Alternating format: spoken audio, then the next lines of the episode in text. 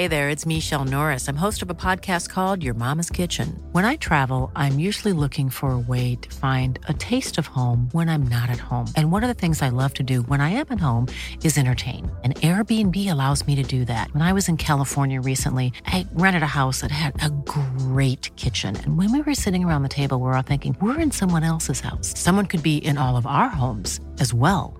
If you have a home, but you're not always at home, you have an Airbnb. Your home might be worth more than you think. Find out how much at airbnb.com/slash host.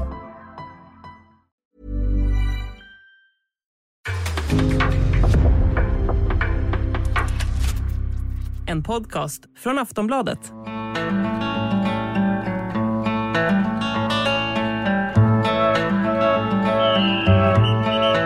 Ja, då hälsar vi äntligen välkomna till Sportbladets allsvenska podd som har säsongspremiär. Eh, äntligen! Så här med fyra dagar kvar till allsvensk premiär. Jag som rattar podden heter Daniel Kristoffersson och med mig har jag Linn Nordström och Per Boman. Vi ska presentera er lite närmare senare, men först ska vi liksom säga upplägget för den här podden. Eh, det kommer behandla bara om allsvenskan. Vi ska ha med gäster. Det kan vara aktuella spelare, ledare, sportchefer eller andra nyckelpersoner inom allsvenskan. Eh, så att, Eh, och det här, i det här avsnittet har vi med Gustav Ludvigsson bland annat som snackar om, ja, Hammarbys säsong som kommer och lite grann om hur han har sett på försäsongen, hans kontraktsförlängning med Hammarby och när han nobbade budet från eh, Ulsan Hyundai. Men eh, jag vet inte, vad känner ni? Eh, allsvenskan hetare än på länge brukar man ju alltid säga. Nu känns det verkligen så. Eh, vi börjar med Linn, vad säger du? Ja, men det ska bli svinkul att äntligen eh, dra igång. De här eh, försäsongsmatcherna, eller framförallt genrepen har ju inte bjudit upp till någon eh, fotbollsfest direkt, så att eh, det kan ju bara bli bättre i en premiäromgång. Vad ser du mest fram emot? Eh, jag ser mest fram emot, eh, nej, men hela säsongen. Svårt att plocka ut en grej eh, så här på förhand. Ja, alltså jag, det här med att se, alltså jag jobbar ju liksom så mycket med Allsvenskan hela året sådär, man gör sådana här plusgrepp och vi gör tv-program och sådär, så för mig känns det som att det bara pågår som en ständig virvelvind hela tiden där liksom eh, ja, skriver och tycker allt möjligt om Allsvenskan, så för mig känns det som att det pågår året om och jag känner, misstänker nästan att det är så för ganska många som följer Allsvenskan också, att det intresset är ständigt pågående. Vad tror ni kommer prägla den här säsongen av Allsvenskan? Det brukar alltid vara liksom Ja, men supportrarna och sådär kommer ju vara, känns det, tycker jag i alla fall, känns som det kommer ju vara liksom mer markant nu med tanke på hur det var förra säsongen med pandemin och sådär och vad... Ja, det är klart att det är en jävligt stor grej givetvis att det kommer vara fullsatta läktare igen eh, över, över en hel säsong och det är givetvis en eh, fantastiskt att få, att få, få det igen liksom. Eh, annars så är det väl, eh, för två, tre år sedan minns jag att jag skrev att nu, nu kommer det vara eh, samma lag som kommer topp 8 varje år liksom, skrev jag kanske, jag vet inte om det var tre år sedan eller någonting. Sen kom pandemin emellan och eh, tröskade sönder det lite att eh, det blev inte riktigt så utan det blev ju eh, några lag som stack upp ändå, några topplag som eh, ja, eh, var sämre än väntat och så vidare, AIK för två år sedan och så vidare. Så att, eh, men, men, nu när allting är mer normalt igen, klubbarna nästan har gått stärkta ekonomiskt efter pandemin och så, där, så tror jag nog att vi kommer få en, en väldigt, väldigt skiktad allsvenska med sju, åtta riktigt starka klubbar och sju, åtta eh, klubbar som är kanske svagare än, tidigare. Allsvenskan är ju också i stort behov av de här stora personligheterna och det kommer vi verkligen få se i år. Både med John Guidetti och eh, Kiese Thelin och om då Albin Ekdal kommer hem till Djurgården. Ja men det, alltså det kändes ju som att, ja okej, nu var det fönstret här i Ryssland, trodde man så här, ja men alla de här ryska eh, svensk-ryssarna kommer gå eh, utomlands. Men nu har det ändå, vi har fått Sedak Sabanovic till Djurgården, med Gigovic till Helsingborg, eh, Filip Dagerstår i, i Norrköping. Alltså det, det blev ju lite så också för man Först var, var det liksom en osäkerhet om, ja men kom, eh, då var det så här ja men de kommer kunna gå till vilka ligor de vill. Men då stängde ju Tyskland, Spanien, England. Så det fanns liksom inte så, så många alternativ. Så att det blir ju verkligen spetsat så sätt och sen Vad tror du om Viktor Claesson då? Ja men alltså, han har ju varit väldigt tydlig med att han eh, ska eh, fortsätta utomlands. Eh, och det vet jag att han har sagt, det sa han ju till några spelare. Det var några spelare i Elfsborg och Djurgården som hörde av sig till honom och liksom försökte locka honom dit. Och då var han ju väldigt tydlig med det eh, då, det var ju några veckor sedan. Och nu sa han ju det även på landslaget att när han var på landslagssamling att han ville fortsätta utomlands. Så, för han sitter ju lite i sits än de andra, för hans kontrakt är ju pausat, men han blir ju bossman också. Så jag menar att, eh, så att, men han måste ju ändå ha en klubb att spela med de här tre månaderna. Men som jag fattar nu så har Djurgården i princip gett upp när de värvade, eh, eller gett upp, men alltså Haksabanovic, det finns liksom ingen, ingen plats för honom där och att Eh, så att, ja men, ja, nej vi får se vad som händer med honom men det, det lutar mer åt utomlands. Jag har svårt att se att han ska spela i Värnamo. Det är väl Elfsborg i så fall då. Men... Ja, jag tycker ju att det vore, ja men det vore tråkigt tycker jag om Claesson gick till någon, till någon Stockholmsklubb eller Malmö eller så. Jag, jag skulle bli glad. Jag förstår att han, har, att han, har, att han, att han bor ofta i, i Stockholm och sådär och har bostad där och så vidare. Men jag skulle tycka att det var trist om han, in, om han spelade allsvenskan och inte spelade i Elfsborg eller i Värnamo. Det skulle kännas mer rätt för mig i alla fall. Ja. Vi ska försöka ha lite äh, aktuella nyheter också i den här äh, podden såklart. Det ska vi alltid ha. Äh, men om vi börjar på skadeläget, det är så många som undrar med Magne, Ma vad som hände med Magnus Eriksson. Han fick ju den här smällen förra helgen med när Martin Olsson gick in och hockeytacklade tacklade menar många. och var det Thomas Lagerlöf som var ganska, hade förhoppningsfull här om att han skulle kunna spela. Men som jag fattar det så ser det inte så där jätteljust ut för Mange utan det blir, han går ju en sån här trappa de har när de har fått en smäll på så att som jag, som det ser ut nu så tror jag som jag har hört också så ser det faktiskt ut som att man missar premiären. Då vore det ju ett, om det nu blir så, det är väl inget definitivt men som jag fattar det så ser det väldigt mörkt ut att man ska spela premiären mm. hemma mot Degerfors så det är väl en ruggig eh, ruggigt avbräck i så fall. Ja, verkligen. Alltså, jag, första tio minuterna som, som eh, första, ja, där han var med då, 10-15 minuterna mot Malmö, så tycker jag Mange var, Magnus Eriksson var eh, magiskt bra faktiskt. Jag tror han gjorde typ två tunnlar, lyckades med alla kombinationer, så stark ut igen, för han hade varit ganska svag än så länge på försäsongen i, i kuppspelet, eh, Magnus Eriksson. Jag menar, han var ju ändå i mitt tycke allsvenskans bästa spelare förra året och jag tyckte han var, hade börjat jävligt svagt, så att det var, det var liksom kul att se han spela fotboll igen, så därför var det ju bittert och att han fick den där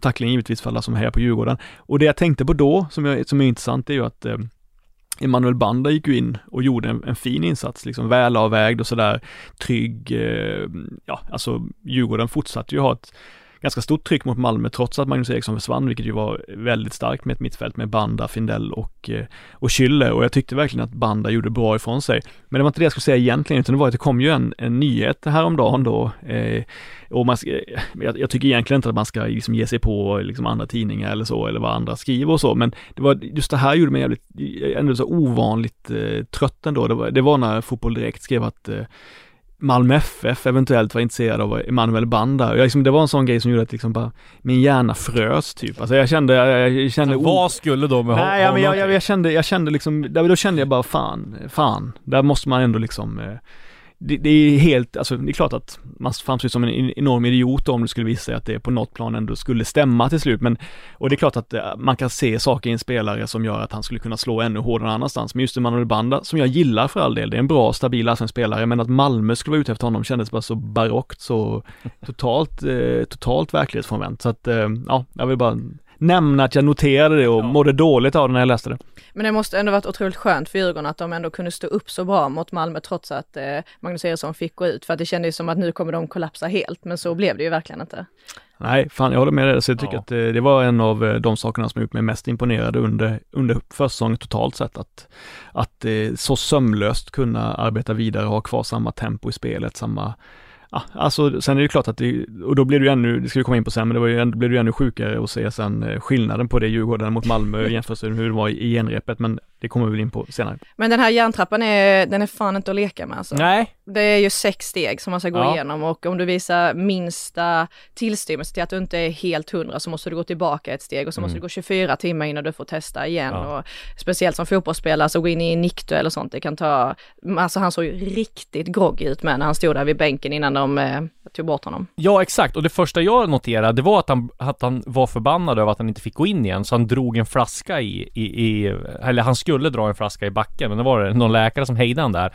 Och då tänkte man så här, ah, men fan det var inte så farligt. Men sen så kände, man ju bara att ah, det här är ju värre än väntat. Och jag menar det finns ju noll anledning för Djurgården att stressa honom i ett så här läge. Med, eh, med liksom en hjärnskakning på försäsongen, hemmamatch mot eh, Degerfors som man ska vinna ändå. De har, de har spelat, eh, gjort det väldigt bra. Liksom det är ju helt det vore idiotiskt att chansa med en hjärnskakning i, i premiären. Så det är klart att det är bara normalt att han inte spelar och sen är han fit for fight i, till nästa match. Men Hjalmar Ekdal känns det som att han kommer spela premiär. Ja, precis. Och det har väl Bosse Andersson sagt också att det var inte så farligt utan han, han kör. Och sen där blir det ju intressant där kör de väl på Isak Hien också som mittback Mm. bredvid honom. Han har ju fått, tycker jag, vi pratade om det när vi satt på någon match här, var det kvartsfinalen som Mm. Djurgården spelade, att eh, han var lite svajig och sådär men jag tyckte han var, har spelat upp sig riktigt bra. Absolut, jag var imponerad av eh, insatsen mot Malmö där. Alltså, han har ju alltid haft det här, eh, ja men extrema fysiken liksom. Eh, väldigt, väldigt snabb ju och dessutom bra i, i duellspelet och i huvudspelet. Så, men man gillar ju att han, han är lite, alltså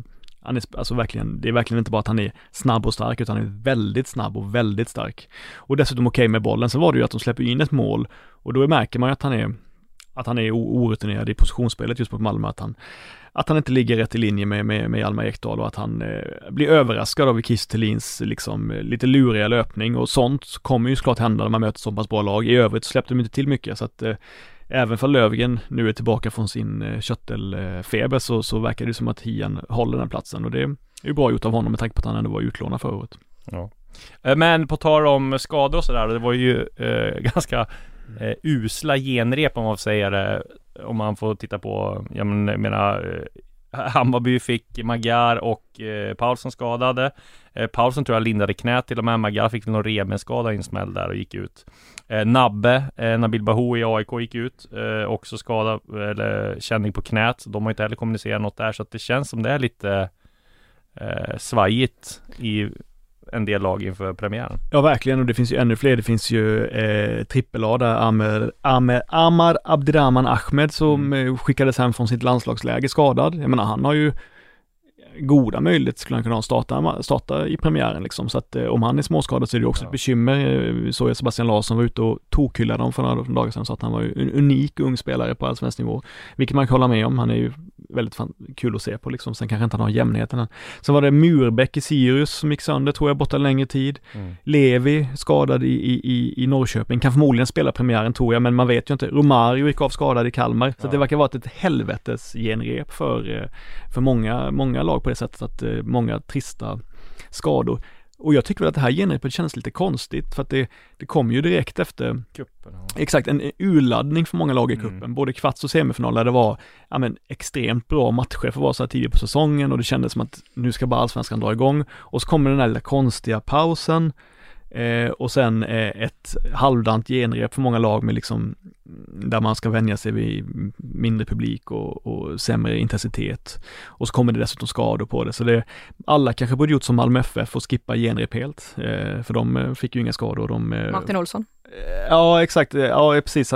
Han blev i landslaget istället men eh, och där har de ju, ja exakt med Knutsen väl kanske tillbaka. Men absolut, men eh, det, det var väl ändå, jag menar att det kunde blivit ännu värre då om de spelade match också. Men eh, apropå genrep då så har vi ju som sagt Eh, eh, Gustav Ludvigsson med oss här. Vi ska höra lite grann vad, eh, vad han eh, säger om eh, dels om det här hetsiga genrepet. Det var ett av de, vi satt och kollade på det här. Vi sände ju till och med den här eh, matchen med, mot HIK 2-2. Det var eh, ett av de hetsigare genrep jag sett. Eh, Hammarbyspelarna kan inte vara nöjda med Murillo där som gick stenhårt åt eh, Michael Ladd som hade kunnat fått brutit foten där i den där stenhårda tacklingen. Och sen så var det även Magyar som fick gå ut och pausen också. Eh, vi ska ringa och kolla läget med Gustav Ludvigsson så får vi höra vad han säger om den matchen och lite och vad han har för tankar inför premiären och Hammarbys lagbygge och sådär. Ja, då hälsar vi Gustav Ludvigsson välkommen till Allsvenska podden. Hur är läget Gustav? Det är fint, det är fint. Själv då? Jo då, det är bra här. Det är full fart som vanligt eh, i den här premiärveckan. Du, vi sände ju faktiskt er match här mot eh, HIK Helsingfors, får man ju säga var en rätt hetsig historia. Eh, Berätta lite grann hur du upplevde den matchen. Nej, det var väl ganska tuff. Eh, förutsättningarna bjöd väl in till det lite också. Torr plan och kallt och liksom sådär. Eh, sen så var det ju Gendre, jag vet inte om det var Gendre för dem, men Gendre för oss i alla fall. Så då, eh, ja men det var, gäller att visa att man förtjänar att spela till premiären och liksom att, att det är sättet att hitta detaljerna. Så ja, det är väl, väl bra på något sätt att det var det är lite fart i det ändå. Ja, vad säger du om... eh, Ni var väl glada att ni inte fick mer skador än vad ni fick va, eller? Ja, precis. Det är ju baksidan med det hela. Det spelar väl lite onödigt fult kan man ju tycka i vissa dueller. Eh, Ja, om man, speciellt den som man fick rött på. Det är jävla idiotsatsning. Så att, eh, ja, kan man undvika de grejerna, man har liksom ett bra tempo, så är det väl, är det väl bra. Men vi får hoppas att alla är, alla är hundra till premiären bara. Ja. Hur ser det annars på er försäsong? Ni har ju haft eh, rätt fin, fina resultat där får man säga med final i Svenska Cupen och ja, hur ser du på det som har varit? Eh, Jo, jag tycker vi har kommit in i det bra. Eh, visat bra form resultat i slutet. Det, det kom in ganska sent liksom med Marti och sådär. Fick ju en bra genomkörning på träningslägret. Eh, även om det svajade lite prestationerna där nere så, så är det väl inte så konstigt. Men nu, nu när jag har blivit ja, i kuppen då, det som har varit efteråt tycker jag vi har gjort eh, eh ja, men visat att vi har börjat sätta någon form av grundspel och eh, en stabilitet liksom som, och hans, hans principer. Så det, det känns bra. Vad skulle du säga liksom är det är de största skillnaderna från tidigare med vad det Marti har gjort? Jag skulle väl... Ja, men han, de är otroligt engagerade och seriösa utan att... Det är klart, det, är- det är ju alla tränare, men de lägger ner väldigt mycket tid på, på analys och detaljnivå liksom. Och, och eh, jag tycker det märks också i, i liksom hur spelarna tar, tar till sig eh, de grejerna och även då ja, när vi analyserar matchen i efterhand att det, det är tydligt det som vi gör, eh, gör mindre bra men också pekar på de grejerna som vi faktiskt sätter efter och som vi har pratat om liksom. Så eh, ja, men de är väldigt skickliga där på, på de bitarna. Eh, och det, det är kul. Det, det är lite nytt och, men eh, jäkligt roligt att att liksom lära sig. Ja. Du, egna formen då känns den? Det blev mål senast. Jo, ja, men det, det var skönt. Jag har haft lite också fram och tillbaka med... Eh, varit sjuk och missat någon match och lite sådär. Så det var skönt att få i alla fall vara med just senast mot Elfsborg och genrepet här och komma in lite, försöka hitta, hitta målet. Och det, det var skönt att nu. Ja. Och en av de stora Hammarby-snackisarna har ju varit di- ditt vara eller inte vara i klubben. Du valde att nobba Ulsan Hyundai här i Sydkorea och skriva på ett långt kontrakt med, med Bayern. Vad, vad känner du kring det här beslutet med så här lite distans? Nej, men det klart. Nu när vi står i cupfinal så känns det jäkligt härligt och, och liksom ha fått eh, ja, men få vara med på den här resan som vi gör med Hammarby. Och jag är jättenöjd eh, att jag har tagit det beslutet. Eh, ja, men som sagt, det känns som jag har spännande på gång, Bayern på väg framåt och det är kul att få, kul att få vara en, eh, en del, pusselbit i liksom i hela, hela liksom föreningen sådär. Så att, eh, ja, men nu när det har lagt sig lite så känns det väldigt, väldigt skönt. På kort tid får man säga blivit rätt populär bland Hammarby-supportrarna. Vad, vad har du fått för reaktioner på när du förlängde kontraktet? Ja, det var ju många som var glada att jag, att jag var kvar, att jag har en framtid i klubben. Eh, sen så som sagt, det är, något man, eller som jag nu, ska försöka liksom förtjäna det. Folk är glada liksom. Det det är de ju bara så länge man, man presterar och man, eh, och man liksom visar hjärta för klubben. Och det är såklart mitt mål att fortsätta göra de här, de här åren och absolut inte ta slappna av eller ta något för givet. Utan jag vill eh, köra på nu och utvecklas som fotbollsspelare och, och göra bra resultat med Hammarby. Vad, vad har du fått för känslor för Hammarby på så här kort tid? Nej, men det, jag har väl sagt innan att som, som eh, göteborgare så, där, så man har inte sin... Framförallt om man inte har mött. Jag har inte mött liksom, de här klubbarna när jag var mindre på ungdomsnivå heller. Så jag har inte haft så himla bra koll på ja, varken Stockholmslagen eller Hammarby då. Eh, så det var väldigt häftigt att få komma hit och man inser vilken liksom... Eh, vilken eh, grej det är hela så här, på Söder och runt, runt klubben och det är svårt att liksom inte, inte ta till sig och bli kär i det. Så att, jag, jag är positivt överraskad kring, det. Vi- Det ger väldigt mycket så eh, internationell vibb liksom, kring hela, kring hela ja, men liksom settingen runt, om, runt omkring klubben också med publiken och allting. Så, ja, men det, har, det har verkligen eh, det passar mig bra den här, den här typen av klubb också. För det, vi, vi, går, vi går hand i hand skulle jag säga. Ja.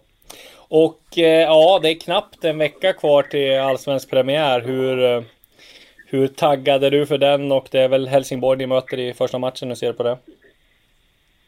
Jo, men det första premiären nu på, sen jag kom hit har vi fått spela med publik.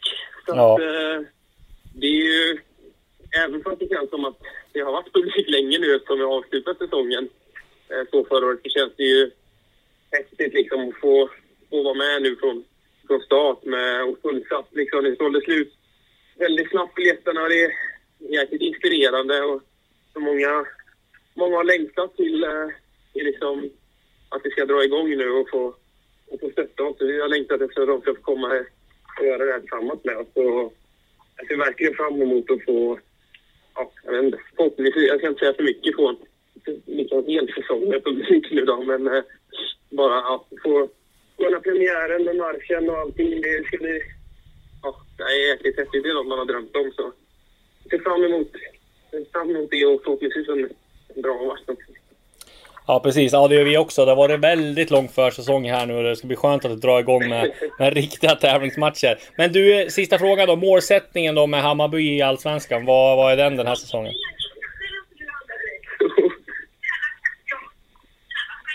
Kan jag, jag är bara i telefon just nu. Okej, vi tar det snabbt. Förlåt. Ja, det är lugnt. Okej, ja. Tjena grabben. Tja. Snyggt. Aj då. Ha det gott, hej. Ja, Det var en djurgårdare som ville ta... Det var en djurgårdare som ville ta selfie. jag skulle gissa på att den är till någon annan. Men eh, vi, får, vi får se vad hon gör med den. Det blir, det blir här, Nej, det, men eh, vad ja. har vi? Nej, vi ser målsättningen inför säsongen. Just det. Just det. Eh, nej, men uh, med Hammarby syns det klart. Som jag sagt innan också, vi, kom, vi har haft en lite annorlunda först. Kom in sent med, med en ny tränare och sådär. Så att man ser väl på det med lite försiktighet ändå, tycker jag. Eh, framförallt, framförallt nu här i inledningen. Och, men sen eh, så handlar det bara om att match för match bara göra bra prestationer och bra resultat. Så så ska vi liksom, ja, får vi summera säsongen efteråt. Men eh, eh, nu är vi i cupfinal också, så det är väl, det är väl en början på, på något bra förhoppningsvis. Och ett tecken på att man gör någonting rätt. Så, eh, vi har såklart hö- höga ambitioner. Ja, det är bra. Du, tack så mycket Gurra så eh, lär vi ses och hörs framöver här. Ja, tack själv. When you're ready to pop the question, the last thing you want to do is second guess the ring. At Bluenile.com, you can design a one of a kind ring with the ease and convenience of shopping online. Choose your diamond and setting. When you find the one, you'll get it delivered right to your door. Go to Bluenile.com and use promo code LISTEN to get $50 off your purchase of $500 or more. That's code LISTEN at Bluenile.com for $50 off your purchase. Bluenile.com code LISTEN.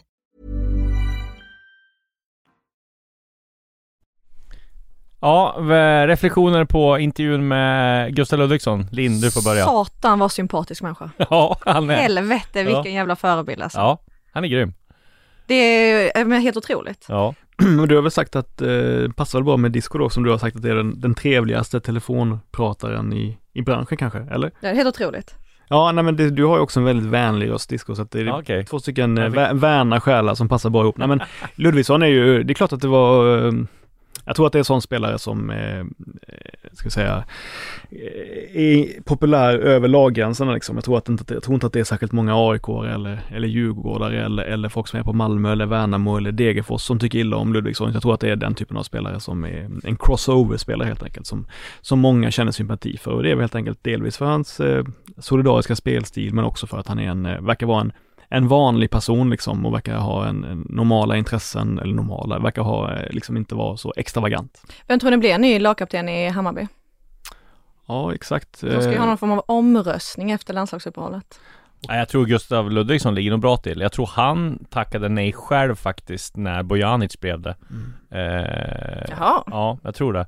Eh, men att han nu kan bli det nu. Men det, annars ligger nog Magyar bra till som är det nu tror jag. Tror du en sån som Bojanic, alltså jag, jag upplever ändå honom som prestigelös liksom. Eller tror du han skulle ta illa, ta illa vid sig om, om man tog det från För Jeppe. Andersson tog nog illa vid sig när han blev, när han blev, eh, Han blev ju, vad heter det, borttagen lagkapten här och så blev han bänkad och liksom blev ju liksom helt Han var ju jättedåligt behandlad av, av eh, Miros Milojevic. Men jag menar Bojanic skulle ändå ha en viktig roll i Hammarby. Det blir ju inte liksom den här råpetningen som Jeppe Andersson. Magyars comeback är ju otrolig. Ja, Där kan man ju, om man, om man någon gång själv skulle känna liksom att, nej fan min karriär är nog över som sportjournalist också, då kan man tänka på den eh, turnover som han, eh, som han har gjort. Han var väl upp, han var ganska öppen med att han funderade på att lägga av ju och liksom började plugga, han pluggar ju fortfarande psykolog liksom. Skrev boken. Ja, exakt Ja men jag funderar lite också på det här med skadorna också i Bayern att det blir ju liksom Jag menar det finns ju, mycket möjligt att de, att de kan spela ändå när det väl, när det väl gäller i premiären men om, det, om de inte kan det då blir det ju liksom Kurtulus bredvid Fenger och jag menar jag gillar Kurtulus jät- jättemycket tyckte han var Tyckte han var så bra som, som alla hypade honom till att vara i, i HBK förra året, både som, framförallt som högerback då ju. Ehm, och så trodde jag att han skulle ta chansen och verkligen spela in sig i elva men nu har inte han spelat så mycket så det är ju, det blir ändå en ehm, det blir ändå, men det är klart det är en klar svaghet att få in en, en, en rostig och kanske lite ehm, självförtroendelös eh, Kurtulus bredvid Fenger. Om det nu är så att pausen eller Magyar inte kan spela, någon av dem. Nej precis, jag tycker om man ska jämföra med någon så är vi Gustav Ludvigsson lite grann som Daniel Tjärnström Eh, ödmjuk, eh, liksom, eh, han, han, han är inte symbolen för Hammarby än men han är väl typ någon Han är på kort tid börjar bli någon kultspelare Går ju liksom såklart inte att jämföra med, med Tjärnström vad han betyder för AIK Men lite samma, de är ganska lugna De är ganska tystlåtna, säger aldrig de här spektakulära grejerna. Om man ska utanför Stockholm så Oskar Lewicki också, skulle Ja. jag tycka påminner också kanske ännu mer om, om Ludvigsson i det att, eh, att eh, i det, i det lågmälda liksom. Ja exakt, det var ju klassiker en gång när jag kom ner på Karlberg 2009 när AIK jagade SM-guldet och det flockades journalister där så eh, Så stod Kärna vid och lutade sig mot Ja vilka, vilka ska du snacka med nu då? Nej jag ska snacka med Bojan och, och, och, och Joss Hojfeldt Ja det är de som snackar det, han. Och jag bara ja men eh, eh, det, blir, in- det är inte som med dig där Kärna, så jag Nej det blir mest klyschor Så han hade självinsikt den gode Kärna Träffade han för övrigt på Sats häromdagen. Han är ju personlig tränare nu för tiden. Oj, oj, oj. Ja, han, var, ju- han fick ju ett jobb i AIK men kanske inte passade honom att sitta på kontoret. Nej, han hade väl, hade väl ingenting att göra de senaste... Bättre med PT. Ja, precis. Du, om vi ska gå över till lite andra. Du säger jag, ni. Eh, jag är van att podd med en. Det är mycket bättre att ha podd Vi har med, med fortfarande två. inte pratat om elefanten i rummet, att vi har eh, Daniel Kristoffersson på Sportbladets redaktion. Ja, men exakt. det är klart, det var ju givetvis en, en, om, en omställning. Så ska man inte vara, sen ska man inte vara för... Eh, eh, Alla som jag, alla som jag har kommit in har sagt, fy fan, fan vad ovant det är att se dig. Det här kommer aldrig vänja sig vid. Nej precis, nej men det är klart att det är ju, man ska inte vara för navelskådande såklart ju och prata för mycket så, eh, men om journalist så, eller, eller varandra, men jag tycker ändå att det är klart att det var ju en, en stor sak och det är ju jättekul. Ja, det var ju det var skitkul. kommer Ett bli bra. fantastiskt mottagande hittills. Ja, det är bra. Det här skulle man gjort tidigare om man hade vetat om det här. Men jag tänkte på andra, liksom, vi pratade lite genrep och så ju. Ja. Och det fanns ju och många negativa genrep. Eh, Ja. Då tänkte jag, jag kan ju nämna två stycken väldigt eh, positiva genrep. Och först då är ju Elfsborg som eh, studsar tillbaka efter, efter semifinal eh, förlusten eh, och, eh, och slog eh, HBK enkelt med, med många mål, över 4-0. Och det var liksom eh, många som nämnde det, jag, såg, jag tittade lite på matchen, jag såg även att BT nämnde att Noah, Noah Söderberg i, i, i, i Elfsborg fortsätter ta steg och jag håller med att jag gillar honom, jag gillar att han, eh, jag trodde inte någon skulle kunna ta den där Fredrik Holst-rollen riktigt. Sen är han lite annorlunda såklart, han är inte lika psykotisk och, och, och ful och tuff Nej. som, som Holst var, utan han är ju lite mer av en spelare, även om han har eh, det här lite mm, skavet i sig också, att han är, är, är en em, ganska tuff spelare. Men jag tycker att han har haft ett härligt driv med bollen, jag tycker han har verkligen visat, både han och en sån som Sandén, det snackas så mycket om yttrarna, men det är kul att prata om Sandén vänsterback och Söderberg på centralt som är ute bra ifrån sig. Så det var kul att, eh, eller det var intressant att kolla på och Elfsborg ser ju väldigt bra ut. Sen också Blåvitt då som vi ju sände i, i, i, ehm, i helgen som ju eh, mötte ett eh, svagt Fredrikstad, alltså ett, eh, från andra ligan i Norge. De var dåliga, naiva, eh, barnsligt fotbollslag på många sätt och vis som, som, som Blåvitt dock hade en bra taktik mot. Eh, låg rätt, pressade ibland högre, låg tillbaka bra, men alldeles oavsett så utnyttjade de det här havet bakom, bakom eh, Fredrikstad som fanns där och eh, gjorde ju, eh, skapade kanske 6-7 lägen via vältajmade djupledslöpningar och ett ganska rak och, och bra fotboll som, eh, ja men Gustav Svensson och Simon Thern var väldigt bra tillsammans till exempel och Gustav Norlin då som, som stod för en fin insats på topp. Så det var ju eh, väldigt positivt för eh, IFK Göteborg. Jag hade ju laddat upp eh, söndags eftermiddagen, skulle se på Djurgårdens genrep, hade beställt mat, satt bra i soffan, tänkte det här kan, det här kan fan bli roligt, Haksabanovic, Azor och Edvardsen.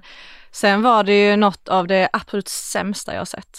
Och det, Ja. sa, det sa ju Kim Bergström efteråt också, typ att det var den sämsta halvleken han eh, någonsin sett eh, hans Djurgården spela. Ja, ja, det var... Jag fattar inte hur det kunde bli sånt antiklimax eh, med tanke på den hypen de hade förut. De att det gick ut på, med, på egna hemsidan med nu ska ha, se, se, se att Haksabanovic gör debut för, för Djurgården. Och så blir det sånt där magplask. Nej, jag tänka vad Kim, jag vill veta vad Kim Bergström sa internt till, till spelarna.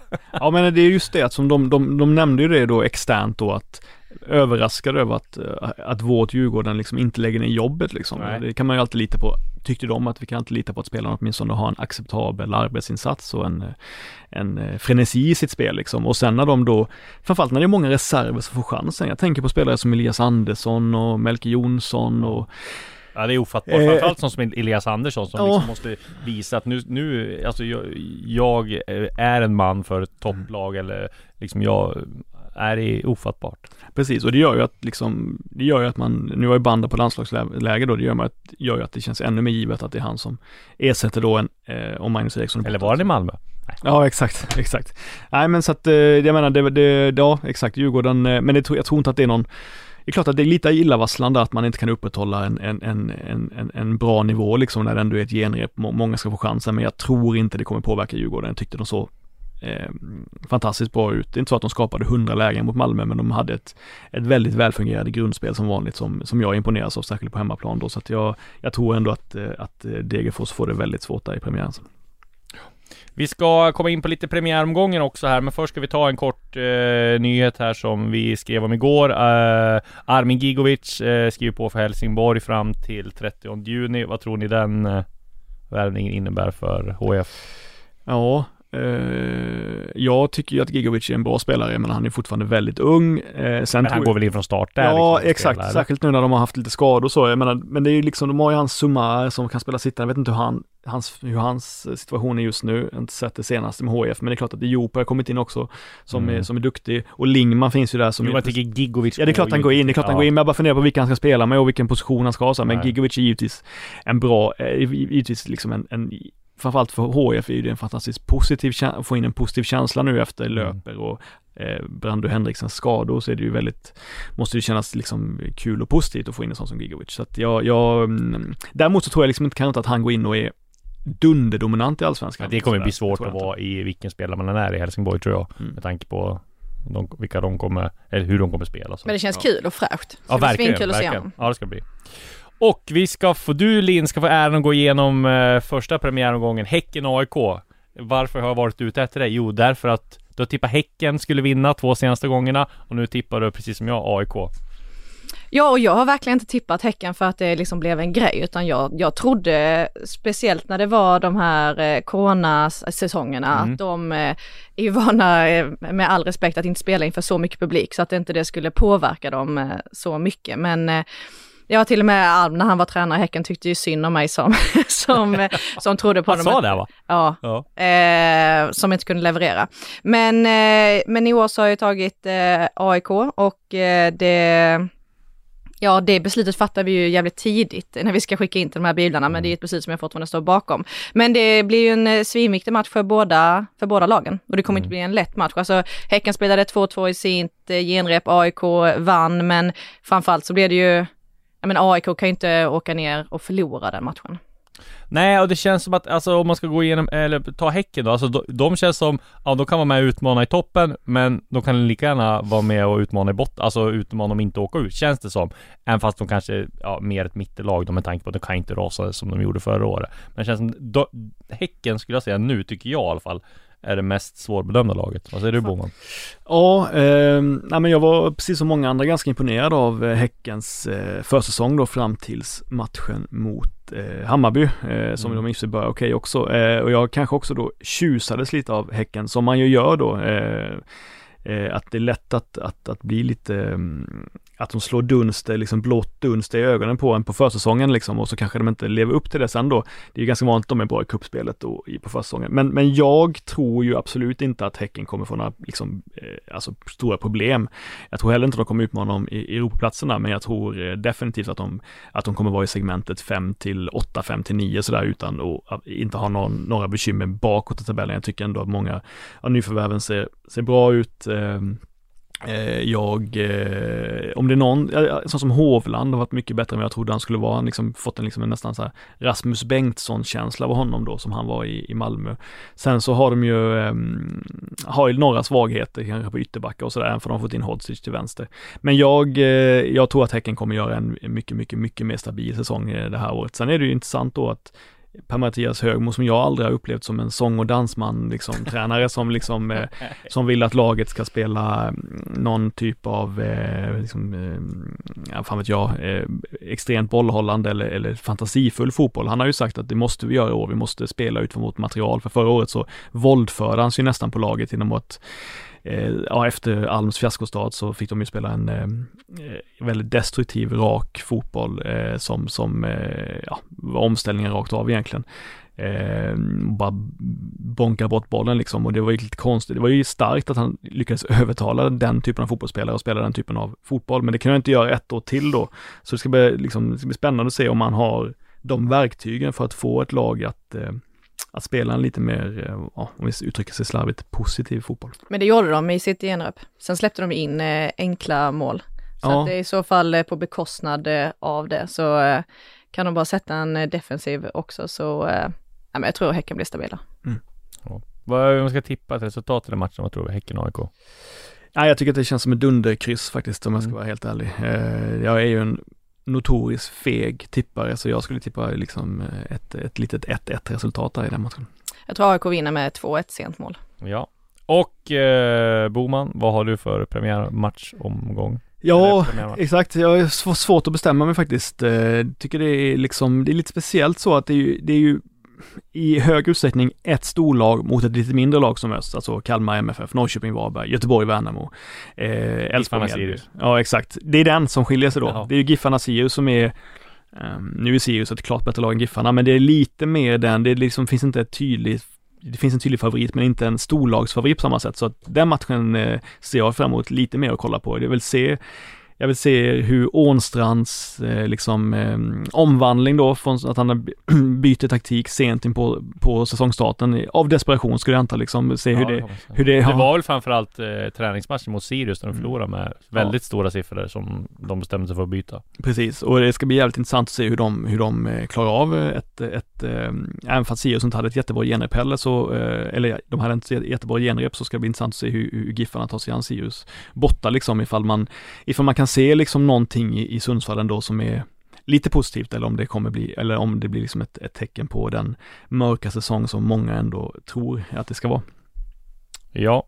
Och eh, jag har varit ut eh, Hammarby mot Helsingborg. Dels för att jag tycker att Hammarby har sett, eh, alltså om man tar bort matchen mot HIK, då man får säga att det var ett genrep men ändå inte ett riktigt genrep för Hammarby. Det kom, för Hammarby, det kom ju egentligen i liksom semin mot mot Elfsborg. De hade en del borta på, de hade Selmani borta på på landslagsuppdrag. Eh, de, eh, ja, det gick runt på en del folk så att det blev ingen, ingen riktigt genrep ändå. Men det ska bli intressant att se om de kan fortsätta det här eh, som de har, som Marti Cifuentes har börjat på med, eh, men ganska fartfyllda, eh, liksom fartfyllt, fartfylld offensiv och väldigt fina, ett snabbt eh, kantspel.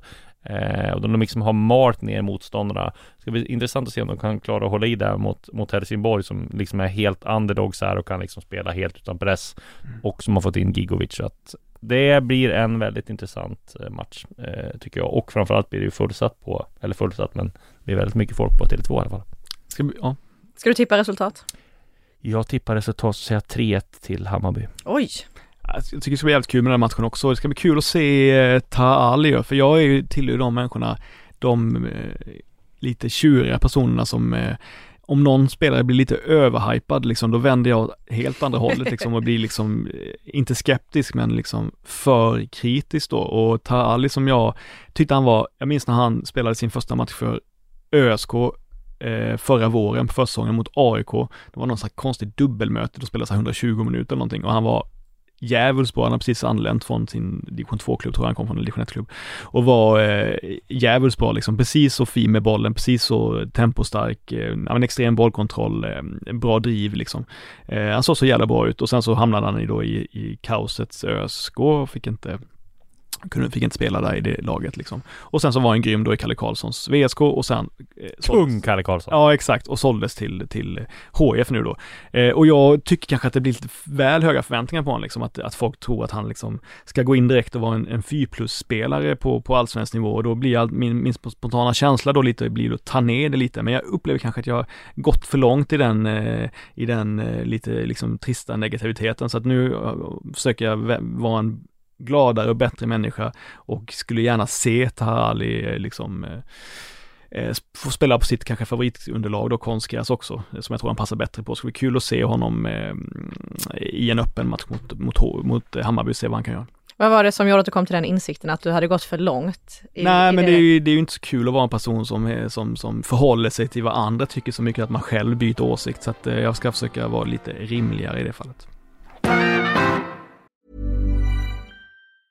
Normally, being a little extra can be a bit much, but when it comes to healthcare, it pays to be extra. And United Healthcare makes it easy with Health Protector Guard fixed indemnity insurance plans. Underwritten by Golden Rule Insurance Company, they supplement your primary plan, helping you manage out of pocket costs without the usual requirements and restrictions like deductibles and enrollment periods. So when it comes to covering your medical bills, you can feel good about being a little extra. Visit uh1.com to find the Health Protector Guard plan for you. Vi måste ändå eh, snacka om en annan eh, premiärmatch här. Det är ju Henrik Rydström mot Malmö FF Kalmar. Det känns som det är upplagt för en Kalmar-seger där. Jag vet inte varför. Vad säger ni? Linn? Eh ja, det ska ju bli svinintressant. Det är ju kul att Rydström är kvar i, i Kalmar. Det kommer ju bli drag som det alltid blir eh, kring honom och att de får svenska mästarna där direkt i premiären gör det ju inte sämre. Det känns som att eh, han kanske är den personen som längtar mest. Som han skulle njuta av att vinna mot dem. Även fast kanske inte han har så, så speciellt hard feelings. Det var, han, det var ju ändå de som kontaktade hon, honom, även om han kanske inte var första valet som jag fattade som, så var han ju liksom eh, på med på listan. Ja men jag tänker kring den matchen så tänker jag så här att eh, Rydström är ju, han är ju en sån som eh, eh, när han ger kritik så gör han det inlindat i beröm, liksom lite så, för han minns väl, det var väl efter då när Malmö tog greppet om eh, guldet varje höstas när de eh, sent avgjorde eh, Joningebergets eh, avslut då, eh, sent mot Kalmar. Eh, för mig att eh, Rydström sa någonting i stil med eh, typ eh, lite fa alltså låtsas beundrande röst sa typ Malmö är som Varberg fast med bättre spelare. Alltså med att de är jävligt jobbiga att möta, de är fysiskt starka, de är löpstarka, de är, de är uthålliga, de är, är, är, ja, är också väldigt bra spelare såklart då. Och det är ju, givet vad man vet om, om Rydström och hur hans lag brukar spela, så är ju det kritik då att han eh, kanske tycker att det är liksom, han kanske tyckte att under Tomasson då viss del att det var, att det var spelarmaterialet snarare än, än en grundspelare som gjorde att Malmö var ett mycket bättre lag. Eh, men jag tror också det handlar om att Henrik Rydströms Kalmar har haft stora problem mot, extremt stora problem det hade han både i Sirius och i, i, eh, och i, eh, i Kalmar mot lag som Djurgården och Malmö FF, mm. som är väldigt, väldigt, väldigt, väldigt bra spelare, men som också har en, eh, liksom en kompromisslöshet i sitt spel, en, en, en, ehm, jag menar alltså, som det går inte att mobba sönder liksom. Det går, alltså, jag menar bara att de, de, är, de, har en, ehm, de har en oerhörd liksom, styrka också utöver sin, eh, utöver sin liksom, fotbollsmässiga överlägsenhet, både, både Malmö och Djurgården, så att jag tror att eh, det är lag som passar Kalmar jävligt dåligt, så jag tror att Malmö tar en ganska bekväm seger faktiskt borta mot eh, Kalmar. En, om jag ska lägga in en sista grej om premiäromgången så vill jag varna för, jag tycker det känns upplagt för att Värnamo ska skrälla till sig ett kryss Ja, hundra procent. Alltså Göteborg, nu har de folk sagt, ja men en fin premiär, ja det har kommit igång, Star har fått igång sitt, Värnamo, eh, Jonas Tern, Kim Hellberg, ingenting, ingenting att spela för liksom, har all, eh, all press på Göteborg, där tror jag blir en skräll. Ja, jag ville bara säga det. Ja, jag fattar. Alltså, jag, jag, fan, jag, tycker, jag, fan, jag tycker det är svårt med nykomlingar i år. Jag menar, det, är, det är ju så, sista åren så har ju inte ny, då har ju nykomlingarna, minst en nykomling, ofta två, klarat sig kvar utan kval. Jag menar, det har visat sig att de bästa lagen i Superettan har haft så ofta så pass bra eh, eget spel att, de, att det har kunnat gjort, gjort sig gällande även i allsvenskan. Eh, eh, och i år så tycker jag att läget är annorlunda då, för jag tror ju att Giffarna åker ur. Jag tror även att HF får det ganska svårt. Och då satt jag och tänkte när jag skulle tippa min tabell då i början av massa, inte kan väl tre nykomlingar komma på de tre sämsta positionerna. Eh, och då har jag liksom så här på något slags magiskt tänkande bara räknat med att det blir, att det blir Värnamo måste bli den bästa nykomlingen. Ingenting egentligen under försäsongen har pekat på att det blir så. Jag menar så, Ja, va- nej. eller hur, alltså hur de har Nej, spelat exakt. har, har jag inte varit dunderimponerad direkt och det, men, eh, men eh, ja, jag håller väl med om att det är, om det är någon match som känns skrällvänlig så är det väl den då. Norrköping-Varberg då?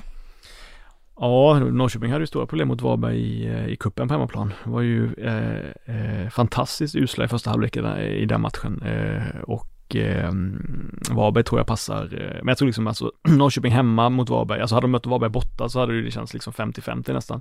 Hemma så måste ju ändå Norrköping eh, räknas som, som eh, rejäla favoriter, men det är klart att Varberg är nog inte drömlaget för Rickard Norling.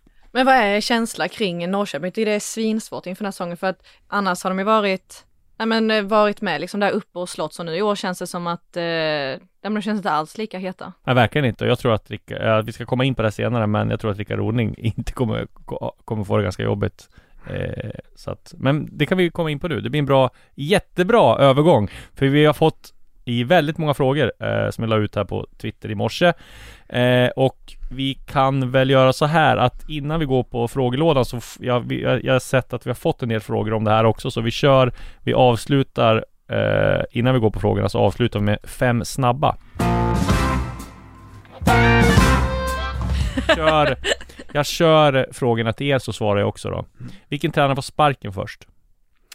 Eh, ja, jag tror att det är två som ligger sämst till där och jag tror att det är Henrik Ånstrand i Giffarna och eh, Norling i, i Mm. Då Norrköping. måste du välja en. Ja, Ånstrand definitivt. Ja. Jag tror att det är eh, stor, stor eh, risk att han åker redan eh, tidigt sommar, liksom, eller innan sommaren. Mm. Eh, ja, mitt svar är lite twistat. Jag tror att om eh, Sverige förlorar mot Polen ikväll så tror jag att Jan Andersson kanske får gå och då tror jag att Kim och Tolle behöver lämna Djurgården för jag tror att de eh, kan vara aktuella som nya förbundskaptener. Så kan jag väl svara? Ja, absolut. Ja, det det var som kommer. extremt bra Ja. kreativt svar. Fa- Det är det första som kom upp. Men jag har Ja. nog varit för mycket med landslaget nu. Eller för mycket med Kim och Tolle. eh, jag tror att det blir Norling. Jag tror att han är borta i, i senast till hösten. Va? Ja, det tror jag. Eh, vilka tar SM-guld? Ja, nej men, eh, nej jag Malmö FF. Jag AIK har jag redan avslöjat. Jag tar också AIK. Eh, det har jag tippat också. Eh, vem får sitt genombrott?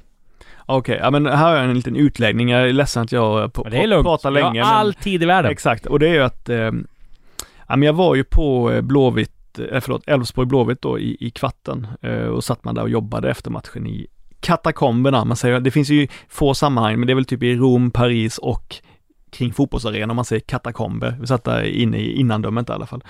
Eh, och då eh, kom Stefan Andreasson förbi och så pekade han eh, åt ett håll och sa titta på den jäveln. Han kan fan vinna Ballon d'Or, sa han då.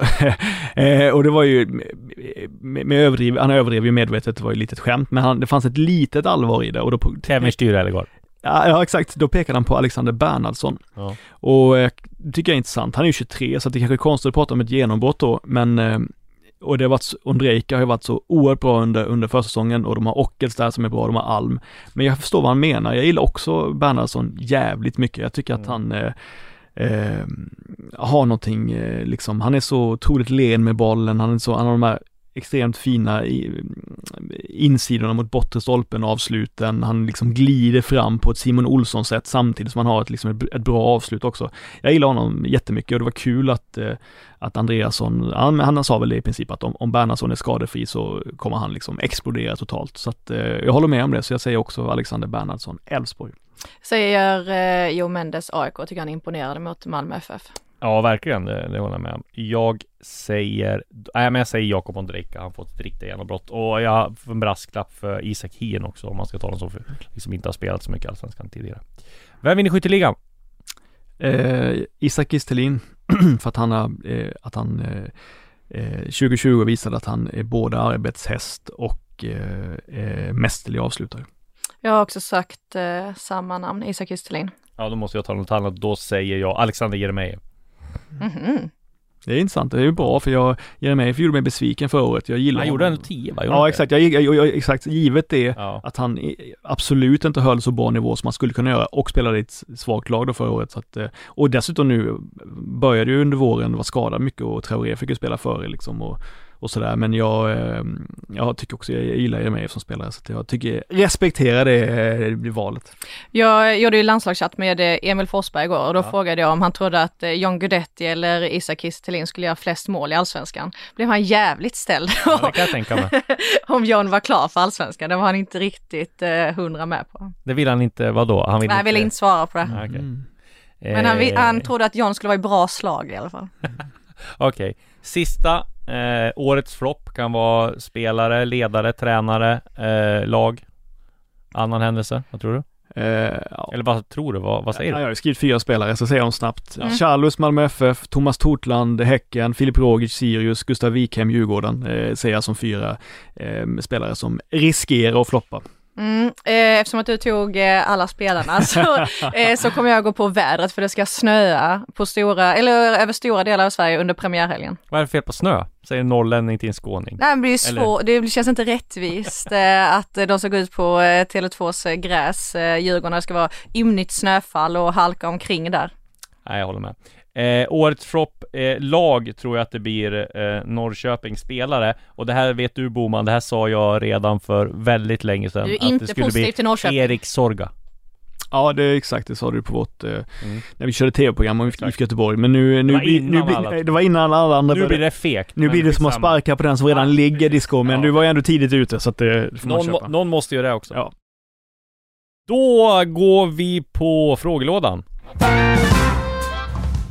Ja, vi, vi, går ut hårt här från Andrus. Vem är Allsvenskans bästa spelare genom tiderna och varför är det Kennedy Bakircioglu? Alltså vi kan bortse från Kennedy Bakircioglu. Ja, jag tycker det är alltid svårt eh, eh, sådana, det var ju en jävla ställ du mig, men jag, tycker man kan prata i Ja, modern men en av dem då. Ja men jag säger modern tid Ja. säger jag. Sista, jag säger tju- två- 2000-talet, 2000-talet och då säger jag Marcus Rosenberg. Eh, tycker jag, definitivt. Ja, det är svinsvårt att svara någonting annat nu. Ja. inte på alltså det är ju, Nej jag fattar. eller under den tiden som jag bevakat eh, allsvenskan så har jag varit outstanding på ett sätt som jag inte har sett en, en spelare vara. Det är vi alla överens om.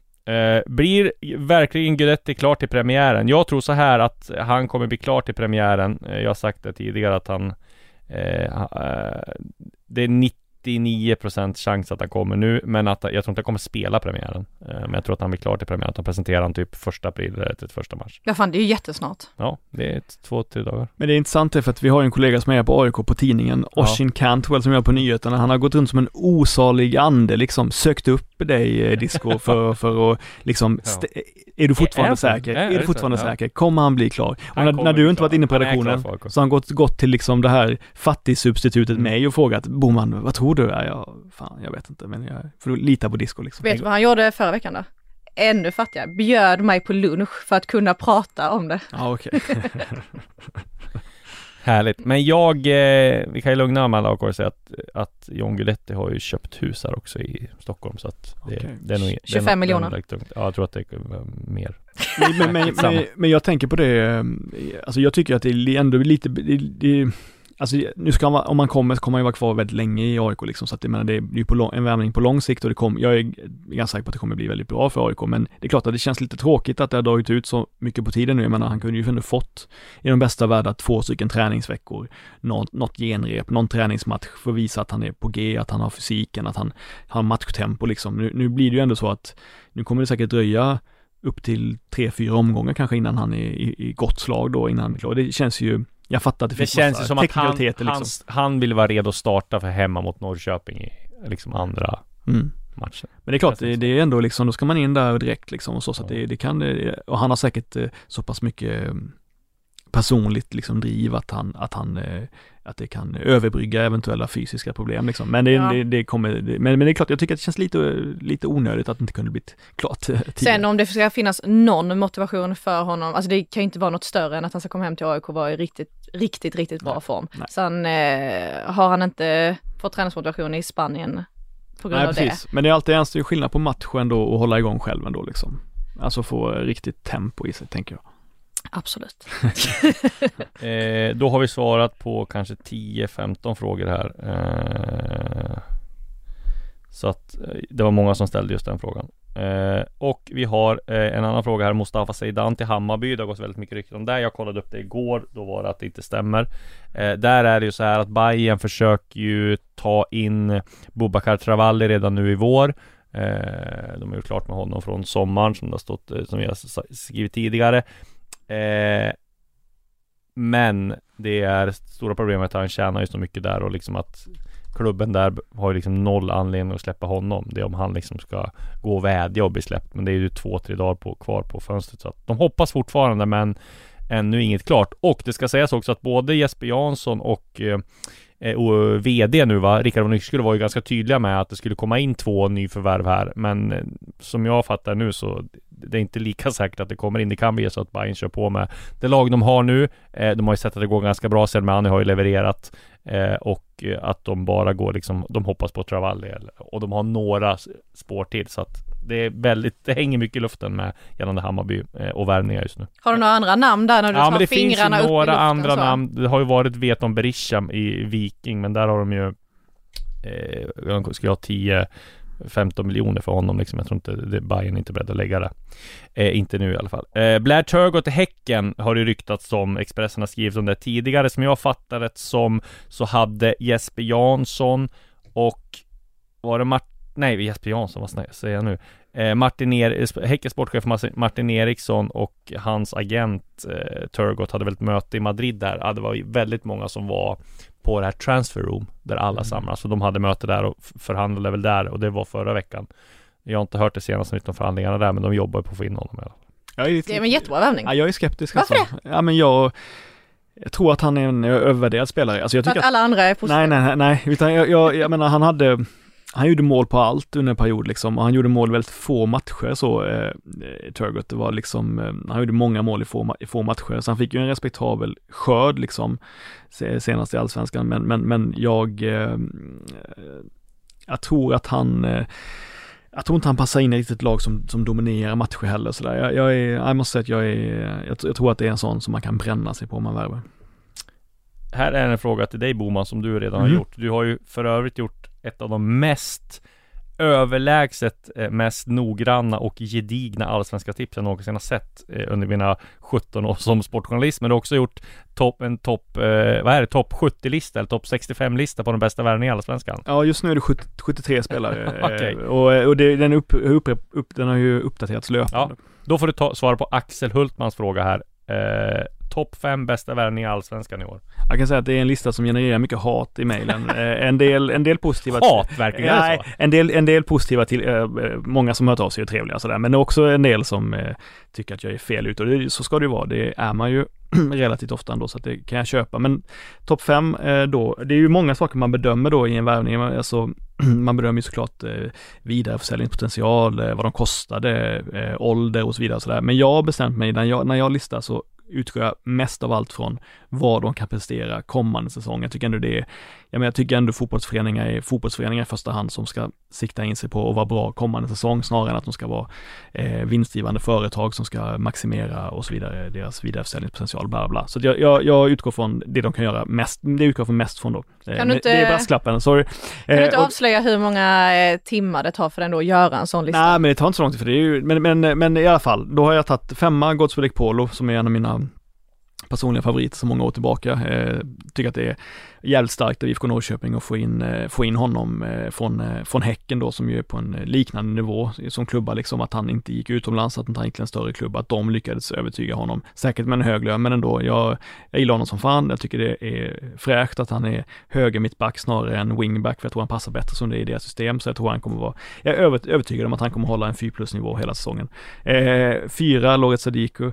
Ehm, eh, den pålitliga spelaren som, som eh, Hammarby behöver för att bli ett lag som, som eh, hittar en större jämnhet i matcherna. Eh, han kommer säkert ta ett tag för honom att hitta högsta nivån, men jag tycker att det är en perfekt pusselbit. Trea, Dennis Hadzikadunic, eh, den enda Rysslands, eh, Rysslands eh, flykt, nej inte flyktingar, förlåt, den enda Rysslands tillskottet. Mm. Eh, för de andra eh, stannar ju eh, i kortare period, eh, därför har jag inte dem lika högt upp på listan. Det är klart Haksabanovic är en av de absolut bästa spelarna i Allsvenskan, men han stannar ju trots allt bara till sommaren, vilket gäller flera andra då också, medan Hadzikadunic är utlånad hela året. Det säger ju någonting om den makten som finns i Malmö FF att man kan att man kan eh, lösa det ett helt år istället och han såg ju jävligt bra ut mot Djurgården och hoppade in. Eh, jag tror att han kommer vara eh, på en liknande nivå som Anel Ahmedhodzic. Jag tycker han ser jätte, jättespännande ut. Tvåa Viktor Edvardsen. jag var lite skeptisk till om hur han skulle fungera i Djurgårdens system. Han har inte fungerat klockrent i Djurgårdens system än så länge och ändå varit väldigt bra i många matcher. det tycker jag är, är jag positivt. Jag fattar inte att de envisas och använder honom på kant eller? Ja men det är, ja exakt. nu kommer de inte göra det när de har tagit in Haksabanovic också, men det är väl för att han, inte, han har funkat bättre på en kant i Djurgården än som central anfallare och Holmberg är lätt att spela med och så vidare. Mm. Jag tror bara att det handlar om det, men nu så tror jag inte de kan eh, göra så länge så att han får vackert liksom vänja sig och hitta rätt som, som flytande liksom center då liksom. Men, men eh, tvåa på listan, etta Isak Kistelin då, som jag eh, ser inga negativa, ja, att han är dyr, dyr då, men Malmö har ju råd med att ge en rejäl sign-on som du har berättat att det var väl upp mot eh, 15, 15 miljoner, vilket ju är ja. något i hästväg såklart, men, men, men det, jag, eh, att få honom när han eh, är 29, fyller 30, få honom på fyra år, eh, tycker jag är fantastiskt bra gjort och jag eh, gick från att verkligen gilla Isak Kistelin till att efter 2020-säsongen beundra honom nästan, för att jag tycker han är komplett på en allsvensk nivå. Och listan är ju utan att Guidetti är done deal och så. Ja precis, och Guidetti skulle väl eh, komma topp 5 men jag vet inte exakt på vilken position. Sista frågan, vi får alltid, det är alltid en sån här fråga eh, när, vi, när jag har lagt ut den. Eh, ponera att TV4, det, det, det, står, det står Planplast heter han som har lagt den. Ponera att TV4 gör en säsong av Farmen där alla deltagarna spelar i Allsvenskan eller har spelat. Vilka skulle klara sig bäst och vem skulle gnälla mest? Jag har några som skulle klara sig bäst. Alltså Per Karlsson. Det måste ju vara drömmen att ha med i Farmen.